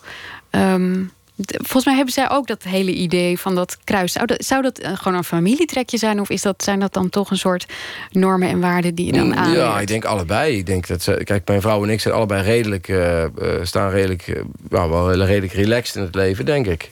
We maken niet overal zo'n. Ja, waar wij echt niet tegen kunnen is al die. Dat alles zo'n lange discussie wordt in Nederland. En dat alles zo zo, dat er veel zo vaak gezeur is. En dat er eigenlijk ja, in dit land toch relatief weinig gebeurt. Hè, en, en daardoor um, ja, mensen over kleine dingen erg gaan zeuren. En, en ook allerlei televisieprogramma's die echt nergens over gaan. En, en, en allerlei rare experimenten hè, van mensen die eigenlijk van elkaar houden... maar die moeten dan ja, in een soort uh, kasteel... en eigenlijk hopen dat die dan ene dan met de ander gaat en zo. Ja, dat, dat, daar, daar, daar doe je ons echt geen plezier mee. Dat, dat zien we allemaal niet, dat slaan we allemaal over. Het scheelt een hele hoop. Uh, aan het koffiezetapparaat heb je soms wat minder te, te melden dan. Maar uh, ja, wij, zijn, we staan allebei redelijk relaxed en, en positief in het leven. En, en dat hebben we waarschijnlijk in de genen wel doorgegeven aan, uh, aan die kinderen. Ze hebben ze ook opgevoed. Dat ze ja, moeten proberen een beetje normaal te doen. En, een beetje, en ze mogen wel... Want ze hebben allebei wel veel humor, moet ik zeggen, die twee jongens. En het zijn gewoon ook opgewekte, vrolijke kerels. En dat is natuurlijk ook deels genetisch bepaald. Maar daar ben ik ook wel blij om. Dat ze gewoon daar positief uh, uh, tegenover staan. En, en toch wel verschillend zijn. Want de oudste is, is, is veel meer een, een prater en een, en een, en een, een, een, heel creatieve jongen. En de jongste is, is een beetje, een beetje denk ik, binnenvetter. En, en, en wat, wat laconieker. Dus ja, die, die, die, eh, dat zijn twee verschillende jongens. En Samuel zit daar een beetje tussenin. Ja. Het mooie, het mooie is trouwens, het zit ook, eh, dat hele, het, het optimistische zit eigenlijk ook in je, in je sportverslaggeving, vind ik. Ja. Je ziet het het liefst van een positieve kant. Ja, je bent echt teleurgesteld als dat niet zo is. Nee, maar hoewel het voetbal natuurlijk niet meer zoveel... dat is, vind ik ook wel jammer. Het voetbal gaat nu zo slecht in Nederland. Dat ja, ik wil graag positief zijn... maar daar valt op dit moment... Eh, daar moet je echt wel heel erg je best doen. Dan moet je al bijna... Uh, eerst een halve koffieshop leegblowen... voor je daar nog iets positiefs van kan maken. Dat is bijna niet, uh, niet te doen. Dus dat vind ik eigenlijk wel jammer. Dat maakt het wel minder, minder leuk. Want ik vind het niet, niet, niet, niet fijn om altijd over altijd negatief te moeten schrijven. Ik vind het leuker om, om het te verwonderen, om, om te bewonderen ook soms. Niet altijd, maar daarom hou ik ook van een voetballer als Messi. Dat ik gewoon echt kan genieten. En dat ik denk van hoe is het in godsnaam mogelijk dat iemand dit kan? Dat iemand zo'n goede ballen, zo'n goede basis kan geven... zo'n mooie doelpunten kan maken. Dat, dat is echt, daar kun je mij voor wakker maken. Ja. Die, de, de stukken die je gemaakt hebt eh, over Samuel... hebben ontzettend veel reacties opgeleverd. Heb je die geteld eigenlijk? Trouwens, nee, ik heb het niet precies geteld. Maar ik denk ja, dat ik minimaal duizend mails gehad heb. Maar ik heb het niet precies geteld hoor. Maar, maar ik Als heb sportverslaggever haalde je dat waarschijnlijk nooit? Ik heb er ook, nee, nee, veel minder. Maar ik heb er ook niet, uh, nog niet allemaal beantwoord. Dus bij deze alvast mijn excuses aan, aan de... Want ik, heb het gewoon, ik kan het gewoon niet bijhouden soms. Waarom denk je dat dat, waarom denk je dat, dat zo'n snaar heeft geraakt? Ja, ik denk ook omdat mensen heel erg veel behoefte hebben aan... ook in de krant. Kijk, ik vind dat sowieso in de krant eigenlijk gemiddeld gesproken... te weinig uh, uh, gewone mensen staan. Dus, dus is, hoewel de Volkskrant heel erg zijn best doet om... en ik vind de Volkskrant echt ook een, een, een ongelooflijk goede krant. Ik ben echt super trots dat ik daar mag werken. Maar soms zouden er nog wel iets meer gewone mensen in mogen. En vooral ook uh, mensen die gewoon... Die gewoon geluk... Mensen willen ook gewoon iets leuks lezen. Ik vind, het, ik vind het echt eervol als mensen zeggen... het eerste wat ik woensdags lees is dat stukje van Samuel.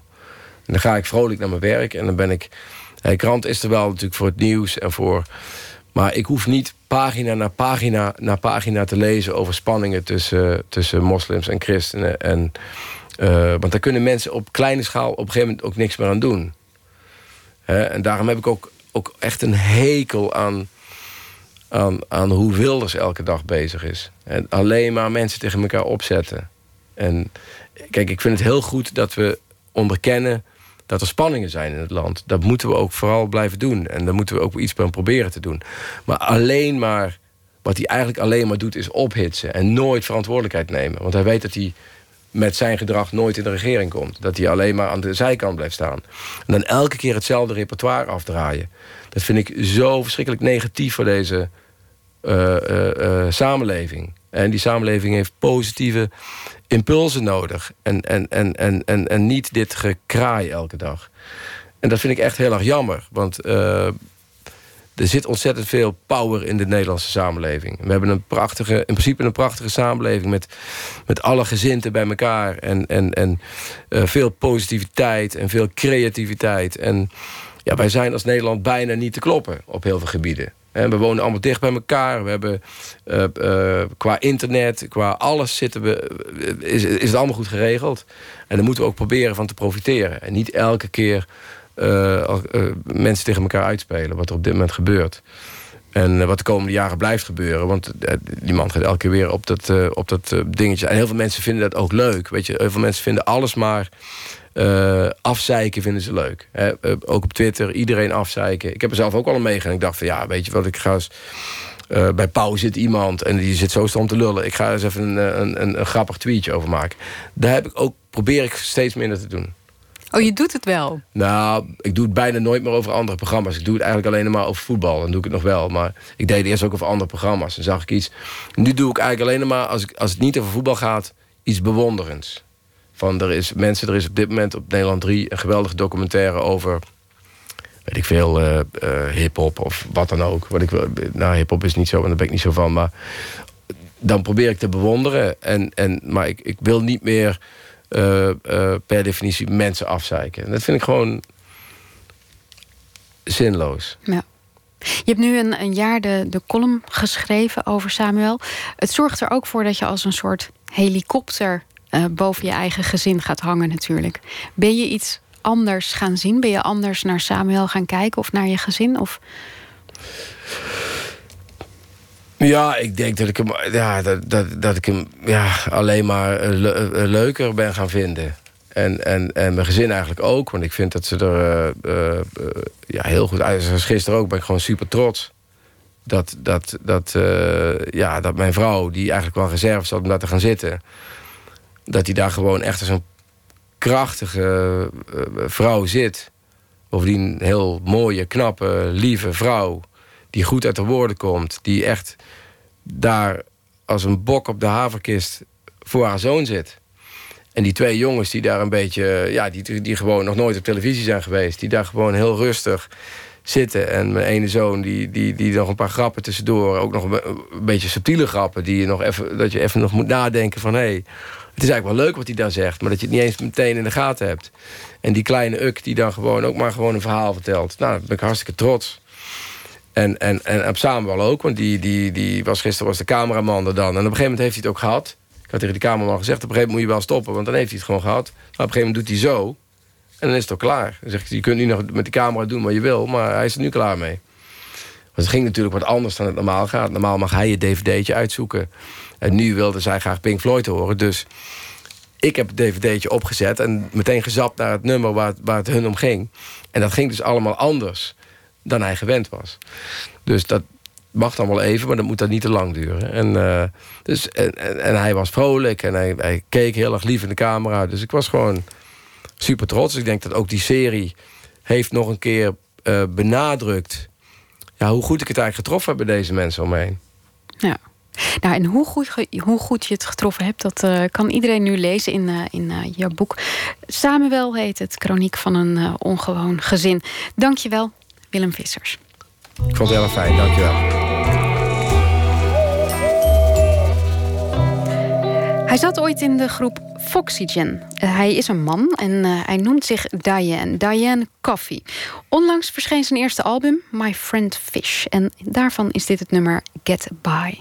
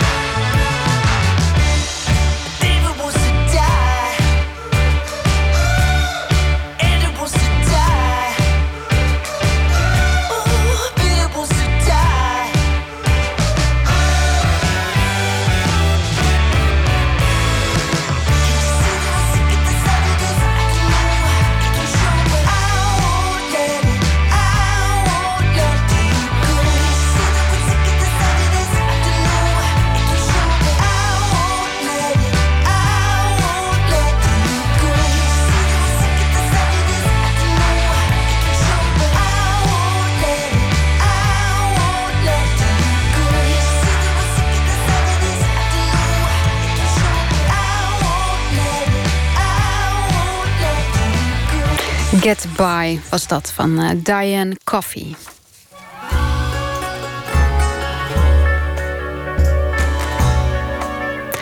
Velen keken er al uh, rijkhalzend naar uit. Of tenminste, ik in ieder geval wel. Het uh, tweede seizoen van de serie Hollands Hoop. Het gaat over een man die in Groningen een wietplantage erft van zijn vader. Morgenavond begint het vervolg en de verwachtingen zijn dus hoog gespannen. Zeker nu scenario-schrijver Frankie Ribbens vanmiddag de Kees Holierhoek Scenarioprijs heeft gewonnen voor seizoen 1. Ik heb hem aan de telefoon. Goeienacht, Frankie, gefeliciteerd. Ja, dankjewel zeg. Ja. hoe, was, de, hoe was de prijsuitreiking vanmiddag? Nou, het was surrealistisch. En ik ben nog steeds een beetje uitgetreden, moet ik eerlijk zeggen. Want ik had het totaal niet verwacht. Totaal niet. En, en het is... Uh, ja, het was al zo'n enorme eer om uh, uit 220 scenario's over vier jaar uh, in die top drie te staan. En naast, naast ja, mensen met wie ik veel werk en die ik goed ken. En met name Robert Albering Tuin van Adam en Eva. Ik, ik ging er echt volledig vanuit dat die zou gaan winnen. En ik had me ook al helemaal ingesteld op de flankerende rol. Ik hè, lekker gezellig naast Robert zitten, die de prijs heel erg goed en zo. Je had de uh, verliezersglimlach had je al geoefend. Nou, nee, het, was, het voelde niet als een verliezer. Ik had, ik vond, ik had het, Robert is een hele goede vriend van mij. En ik was er wel helemaal oké mee. Ik had al wat voorschot genomen op het feit dat het zo zou gaan. En dat zorgde er ook voor dat ik ook helemaal niet nerveus was in de aanloop naar de prijs toe. En ik had er niemand uitgenodigd en zo, mijn kinderen en dat soort dingen. En uh, mijn hart ging ook helemaal niet sneller of wat dan ook. Totdat mijn naam viel en toen schrok ik me helemaal te pletter. um, ik dacht serieus dat ik een hartaanval kreeg. Want ik ging, hij ging in één keer naar 100 en ik kreeg het gewoon bloedje heet. En ik dacht van, dit klopt gewoon niet. Er is gewoon een fout gemaakt. Want dan hij zeggen dat, dat het niet zo was. En toen, was, ja, toen bleek het toch zo te zijn. Toen moest ik gewoon naar voren. En toen werd het trillen als een, als een malle. Toch is het niet heel gek, hè, Frankie? Want uh, Hollands Hoop heeft al een gouden kalf gewonnen... voor beste televisiedrama en een zilveren krulstart voor het beste scenario. Is dat belangrijk, die erkenning? Ja, ja. Ik kan al heel stoer nee zeggen, maar het is het wel. Kijk, uh, ik heb in mijn leven twee dingen gewonnen. Eén is een, eh, een, een, een roodworst naar bingo. toen was ik er jong. En ik heb uh, een andere prijs gewonnen. Dat is de Zilveren Krulstaart. En dat is vakbroedersprijs, scenarioprijs, door scenaristen. En die prijs wilde ik heel erg. En ik maakte heel erg een goede kans. En daar was ik ook super nerveus voor. Uh, maar dat was ook tegelijkertijd de enige prijs die ik ooit heb gewonnen. Ik ben altijd uh, wel vaak genomineerd. Of producties waar, waar, waar, ik aan gewerkt heb, die zijn ook genomineerd. Of die winnen prijzen. en ik voel me eigenlijk al best wel comfortabel zo op de tweede rij, weet je wel die, die nominatie vind ik ook gewoon super spannend en, en cool dat je dat krijgt en dat het opvalt wat je doet. Uh, en dit is een rol die mij helemaal niet past. Uh, omdat ik dus eigenlijk gewoon dit nog nooit echt op deze manier meegemaakt. Want het is wel de grootste en belangrijkste scenario-prijs die er is. Weet je wel? En dat, dat, dat komt allemaal echt uh, samen op dat moment. Want je zit wel in, in, een, in, een, in een ruimte met mensen die die belangrijk voor je zijn, weet je, die, die, die je hele carrière al kent, met wie je veel hebt gewerkt en zo. Uh, en die context die, die, die, die, draag je mee en die wordt ineens tastbaar. En dat, dat ja, ik, ik heb het nog steeds niet helemaal geprocessed. moet ik dus, wat, wat denk jij dat het scenario van, van um, Hollands Hoop zo goed maakt? Ja, nou, eigenlijk zou je dat iemand anders moeten vragen. Maar wat ik er leuk aan vind, is, is dat, dat dat ik gewoon de volledige creatieve vrijheid heb gekregen van uh, BNNVARA, NTR uh, ook de, en ook de VPRO, die, die ook het eerste seizoen meedeed. Uh, en dat is gewoon goud. Uh, ik ben uh, van het begin af aan ook gewoon gesteund en gestimuleerd. En, en, normaal gesproken zijn, zijn zoveel mensen die ook iets zeggen over het scenario in het proces. En bij ons is eigenlijk van begin af aan een heel erg constructieve setting geweest. Weet je wel, kritiek is feedback. En uh, er, er, wordt meegedacht en meegekeken. En dat uh, als je allemaal op dezelfde, uh, ik gebruik veel Engelse woorden, maar een creative page, zoals ze zit. En je begrijpt allemaal de code van de serie. Wat de toon is, wat de humor is en wat, uh, wat er kan in deze wereld en wat niet kan in deze wereld. Die fictieve wereld die we geschapen hebben. Als je met z'n allen op één lijn zit, dan is dat gewoon heel prettig werken. Uh, dat heeft mij in ieder geval gestimuleerd om gewoon meer te durven en meer, en meer te laten zien ook. Want we hebben natuurlijk gewoon hele uh, ja, uh, ambitieuze plannen hadden we. Om een serie te maken die gewoon magisch realistisch en large in life is. En een mix van genres is. Eh, en dan, uh, ja, dat, dat, dat ligt niet voor de hand. Dat, dat je daar eigenlijk zo, dat, dat je daar zo, zo makkelijk, maar, of makkelijk, dat je daar de handen voor op elkaar krijgt. Dat is niet uh, makkelijk. Morgen, morgenavond begint het tweede seizoen. Ehm, was het lastig om het verhaal nog weer een nieuwe draai te geven? Nee, eigenlijk niet. ik heb altijd al gehoopt op, op meerdere seizoenen. Op het moment dat je zo'n serie opzet, dan doe je dat niet met het idee van nou, het wordt één seizoen. En de kans dat het maar één seizoen wordt is wel altijd heel groot. En het heeft gewoon met heel veel factoren te maken. Met financiering en met, uh, met cijfers en dat soort dingen. Uh, maar ik, ik, ontwikkel wel graag een serie zo dat als ik karakters maak waarin veel te ontdekken valt, dat ik het lang met ze kan uitzingen. Ik denk altijd aan season 2 en beyond. Dus in die zin is dat, was het, uh, zolang ik veel, veel kan ontdekken in wie mijn karakters zijn, en dat er dimensies zijn die we kunnen ontdekken met z'n allen, en die we spannend en stoer en leuk vinden, dan heb ik gewoon wat te vertellen. En dat plot, het plot komt wel. Ik heb de Arena, de Wiet Arena, die is gewoon, nou, dit zit gewoon stampvol met, uh, met interessante materie. Eigenlijk om verhalen binnen te vertellen. En je hebt de medische cannabiswereld, er is zoveel in te vertellen. Als ik maar die grote bewegingen en die grote fascinaties maar terug kan brengen naar menselijke proporties. En, dat kan, en, daar mijn karakters in kan laten rondspelen, zeg maar, heb ik altijd wat te vertellen. Ja, nou we gaan het, uh, we gaan het zien. Dankjewel voor je tijd, uh, Frankie Ribbes. Goedenacht. Ja, dankjewel. Jij ook. Doeg. Dag.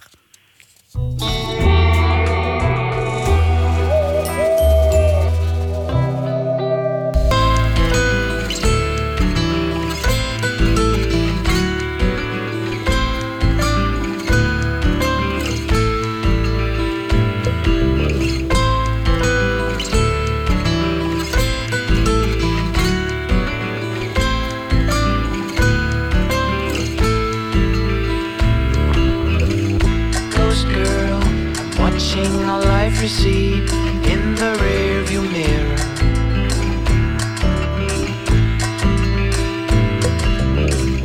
Ghost girl, they say on reflection things should be a little clearer.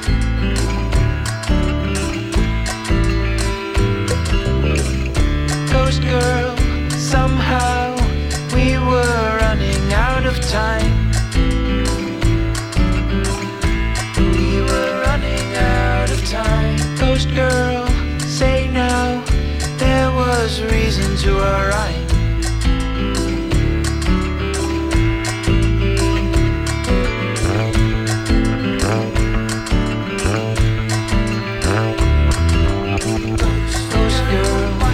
still behind the wheel, and I am riding shotgun.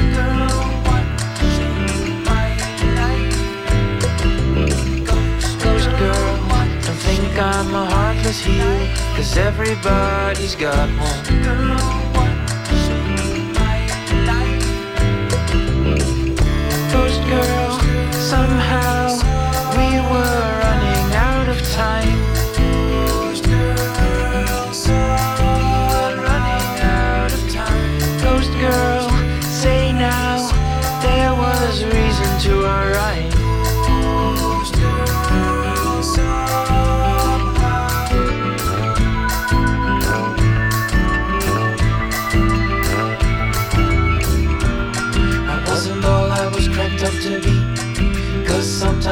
Crack up, you see. There are Sundays and weekdays and weekdays. I wasn't all I was cracked up to be. Cause sometimes I crack up, you see. There are Sundays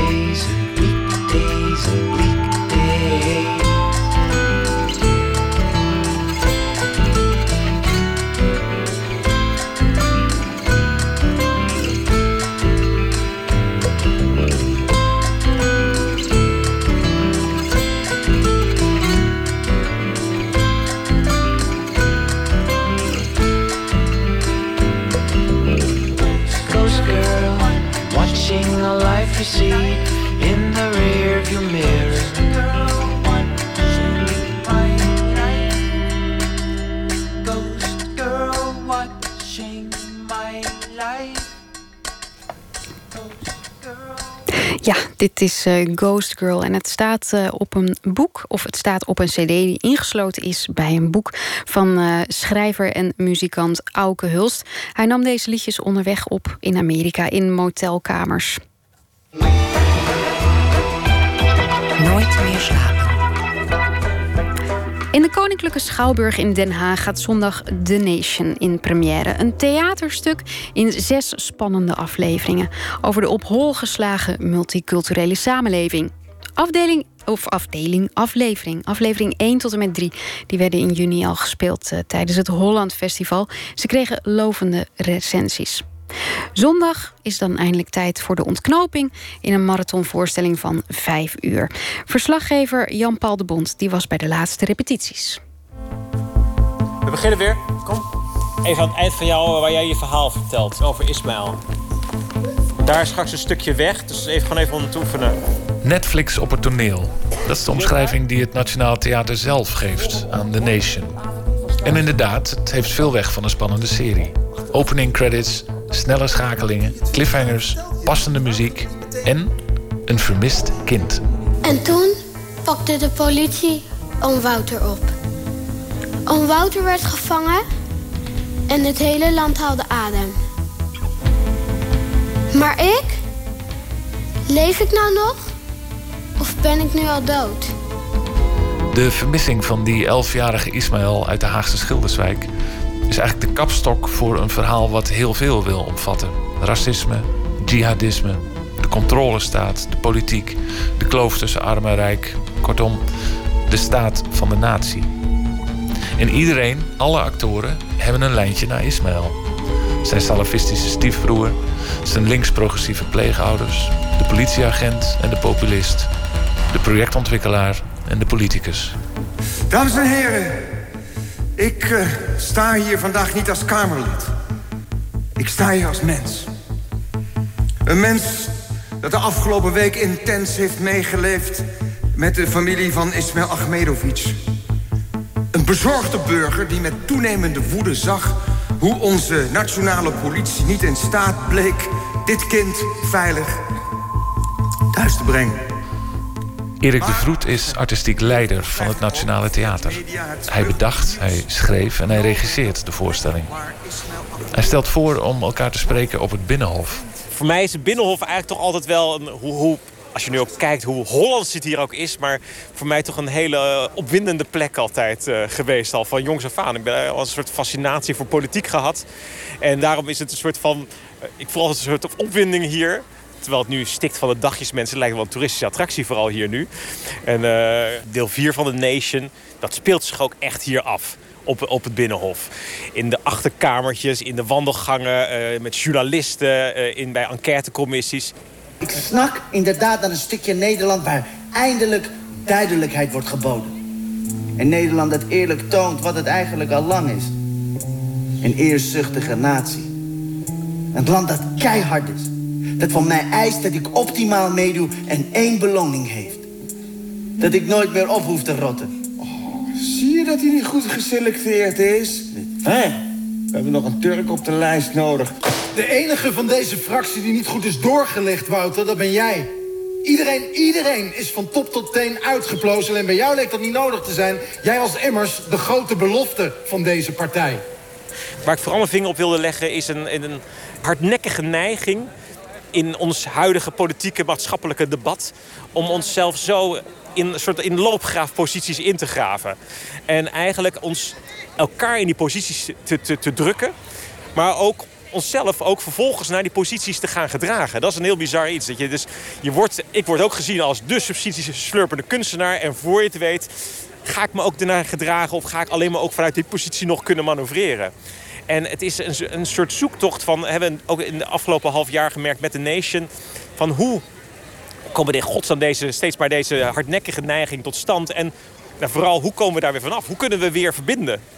Dat klinkt heel erg P van de A. maar, maar, voor ons zat dat zelf ook in de, bijna in de, de werking van de Nation zelf. We hebben dat dus in maart hebben we deel 1 gespeeld. April deel 2, mei deel 3 eh, et cetera. We hebben eh, lezingen gedaan in de, de Schilderswijk, in het Laakkwartier. Gewoon met het simpele script zijn we gewoon die, dat stukken gaan lezen met wijkbewoners. Die niks van theater wisten, niks van de Nation wisten. Erik de Vroet absoluut niet kende. En gewoon pagina 1 begonnen. En, en zijn, mensen zijn zo langzaamaan het Nation ingezogen. Zijn dan naar dus voor ze gekomen. Bij het eerste deel vonden ze nog heel raar. Bij deel 2 werden ze boos. En bij deel 3 snapten ze het ineens. Dat, oh shit, het gaat over ons. En er wordt hier iets anders beweerd dan dat we de hele dag op tv zien. En, en, zo probeerden dus mensen te verleiden naar, naar de voorstelling te komen. En het is gelukt dat er dus ja, groepen jongeren zijn gekomen... die dus ook in het begin met een clubje van vier waren. En die is nu uitgegroeid tot een club van 17 mensen. En, ze, die noemen zich The Real Nation. En die nu ondertussen, terwijl ze hebben gekeken naar onze serie... en dat ook fantastisch vonden, maar wel dachten... oh, maar dat kunnen wij nog veel beter. Die nu een eigen antwoord aan het creëren zijn daarop. Nou, dat vind ik fantastisch. Dat mensen ook met theater eigenlijk dan weer gaan reageren op wat wij aan het doen zijn. Hoe kwam je op de vondst van... Ik, ik heb die verdwijning van dat kind nodig om het verhaal aan op te hangen? Ja, dat is een goede vraag. Ik denk dat ik ergens een, een, iets nodig had wat ons alle zwaar zou emotioneren. En wat ons alle in staat zou stellen om te zeggen... we blijven zes delen dat volgen. Er moest iets groots op spel staan. En iets emotioneels op spel staan. Dus dat, en daarom zitten we hier ook op Binnenhof.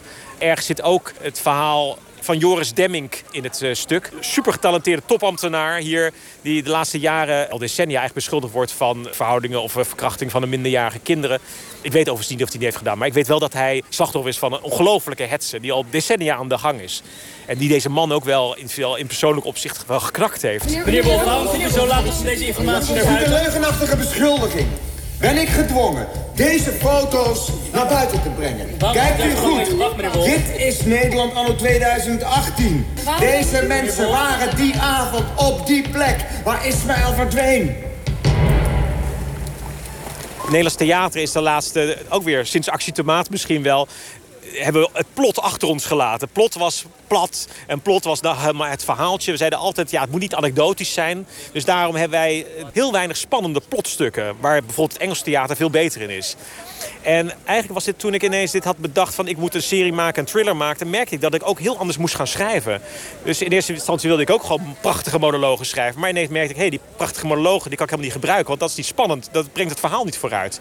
Dus ik moest ineens verhaaltechnieken gaan gebruiken en televisietechnieken weinig gaan gebruiken. En het heeft een heel ander soort theaterstuk opgeleverd, een veel spannender theaterstuk. Daar lijkt me ook een risico in zitten, want je, je, je ambitie is groot om de stand van het land maar eens eh, te laten zien op, eh, op het toneel. En daar gebruik je een stijlmiddel voor wat tamelijk populair is. Heb, Ja. is zat daar een, een spanning tussen? Ja, maar gelukkig is het toch theater geworden. Eigenlijk denk ik dat wij heel ver zijn gekomen met heel veel eh, stijlmiddelen uit televisieseries. eh, eh, dus met, getrokken pistolen, arrestaties. We zijn eigenlijk natuurlijk sneller dan film misschien wel. Wij kunnen zeggen, als we nu zeggen...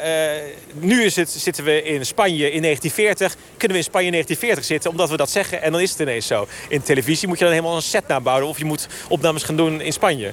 Dus we merkten dat we juist heel snel konden zijn. En dat het publiek ook niet snel iets te veel of raar vindt in theater. Omdat het, ja, publiek is bereid mee te fantaseren. Dus ik merkte dat we juist de raarste dingen... ook die je denkt van, ja, doe je dat nou wel in het theater... eigenlijk juist konden doen. The Nation en vrijwel alles wat Erik hiervoor maakte... verraden een grote maatschappelijke betrokkenheid. Hij schreef stukken over globalisering, over racisme, oorlog in Afghanistan. Maar zelf heeft hij moeite met het etiket geëngageerd. Ik las in een eerder interview hoe bang hij is dat de onverschilligheid... die hij zo verafschuwde bij zijn eigen vader... ook aan hemzelf kleeft. Misschien dat permanent wel op de loer ligt. Eh, de overload aan informatie, de overlo- overload aan dingen die we op ons afmarkt krijgen... beukt mij eigenlijk vaak murf. En bijna een soort van, ja, het, een soort van het ver van je bed houden of zo makkelijker is dan je er echt in interesseren. En ik merk steeds dat die neiging bij mij hardnekkig is. Eh, eh, dat ik soms eigenlijk, daarom, daarom zeg ik, ik ben eigenlijk helemaal niet geëngageerd. Dat is mijn probleem. En vaak mijn opdracht dan is eigenlijk, en als ik dan in een proces ga, ook bij de Nation bijvoorbeeld, is mijn eigen bronnen zoeken, echt gaan lezen, me echt verdiepen, mensen gaan praten en zelf een weg vinden in die informatiebrei. En dat is voor mij mijn privilege zelfs, zou maar zeggen, met, met, met mijn werk. Dat ik kan zeggen van, van nu ga ik me de komende zes maanden bezighouden met de, oorlog in Afghanistan. Kon ik alle andere oorlogen even achter me laten... en kon ik me echt verdiepen in Afghanistan. Heb ik ge- gereisd, heb ik gelezen, militairen ontmoet... en was dat voor mij ja, zo'n openbaring. Ja, maar je, je bent ook... Ik bedoel, lang niet iedere regisseur gaat ontzettend eh, veldonderzoek doen voor een voorstelling. Nee. Terwijl ik dat eigenlijk het allerleukste vind van misschien wel van het hele proces. Want dan, dan waan je inderdaad een soort onderzoeksjournalist. En, een soort, en, eh, je hebt ook het gevoel, oh, ik ga hier een briljant werk over schrijven. Wat ik nu allemaal tegenkom, dat zijn zulke gave dingen. En eigenlijk is voor mij dat vaak het, het, het, het, het eerste gevoel van engagement. Omdat ik ineens ja, in die samenleving ineens sta. En me dus heel verbonden voel ineens met allerlei dingen.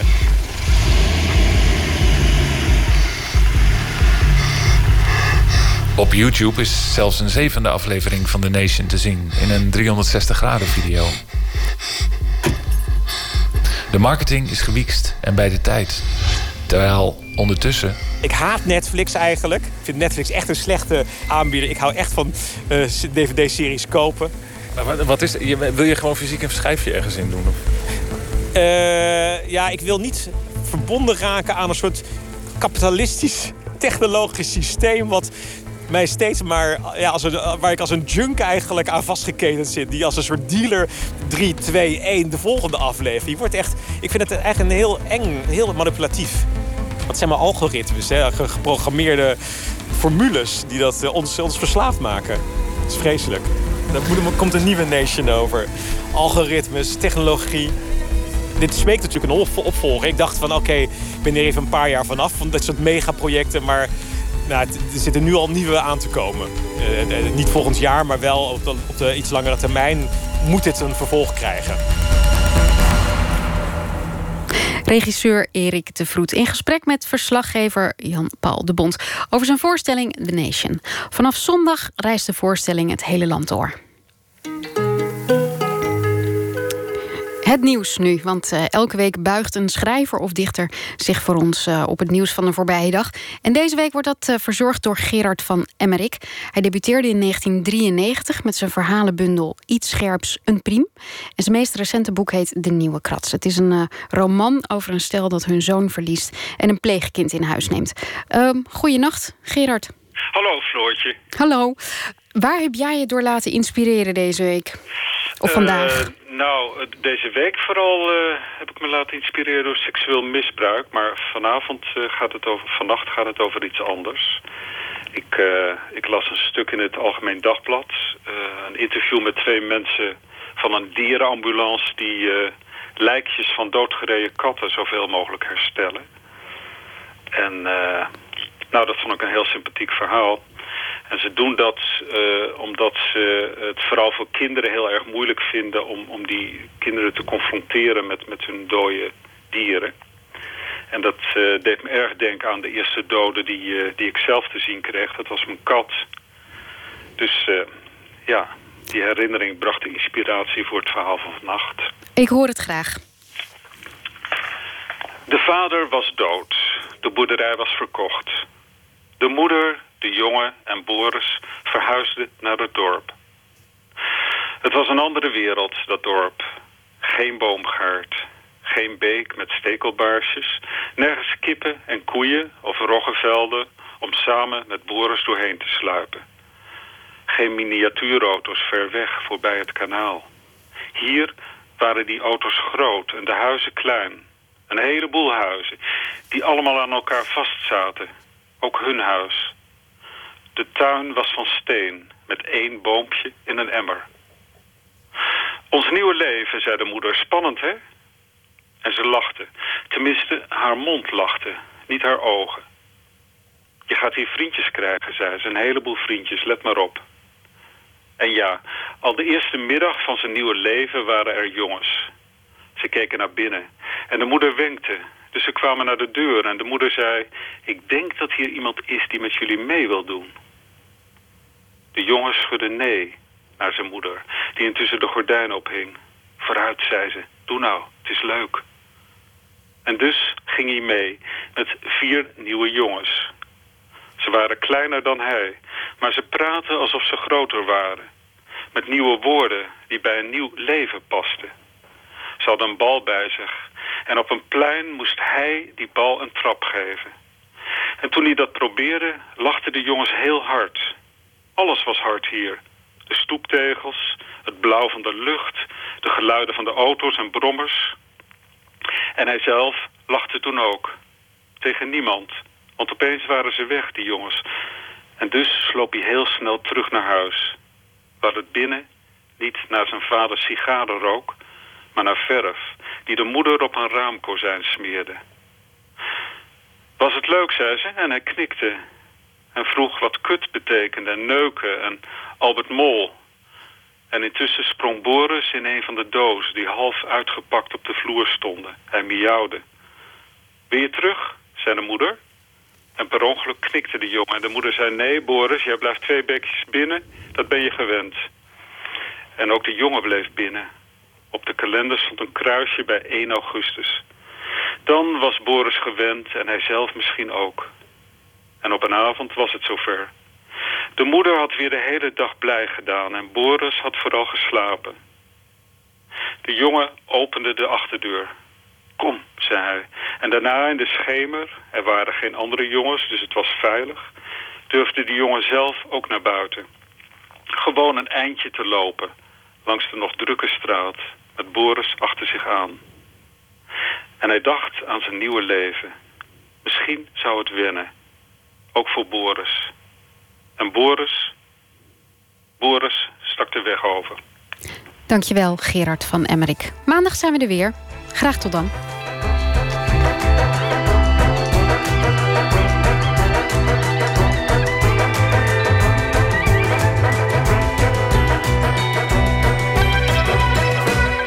Op Radio 1, het nieuws van alle kanten.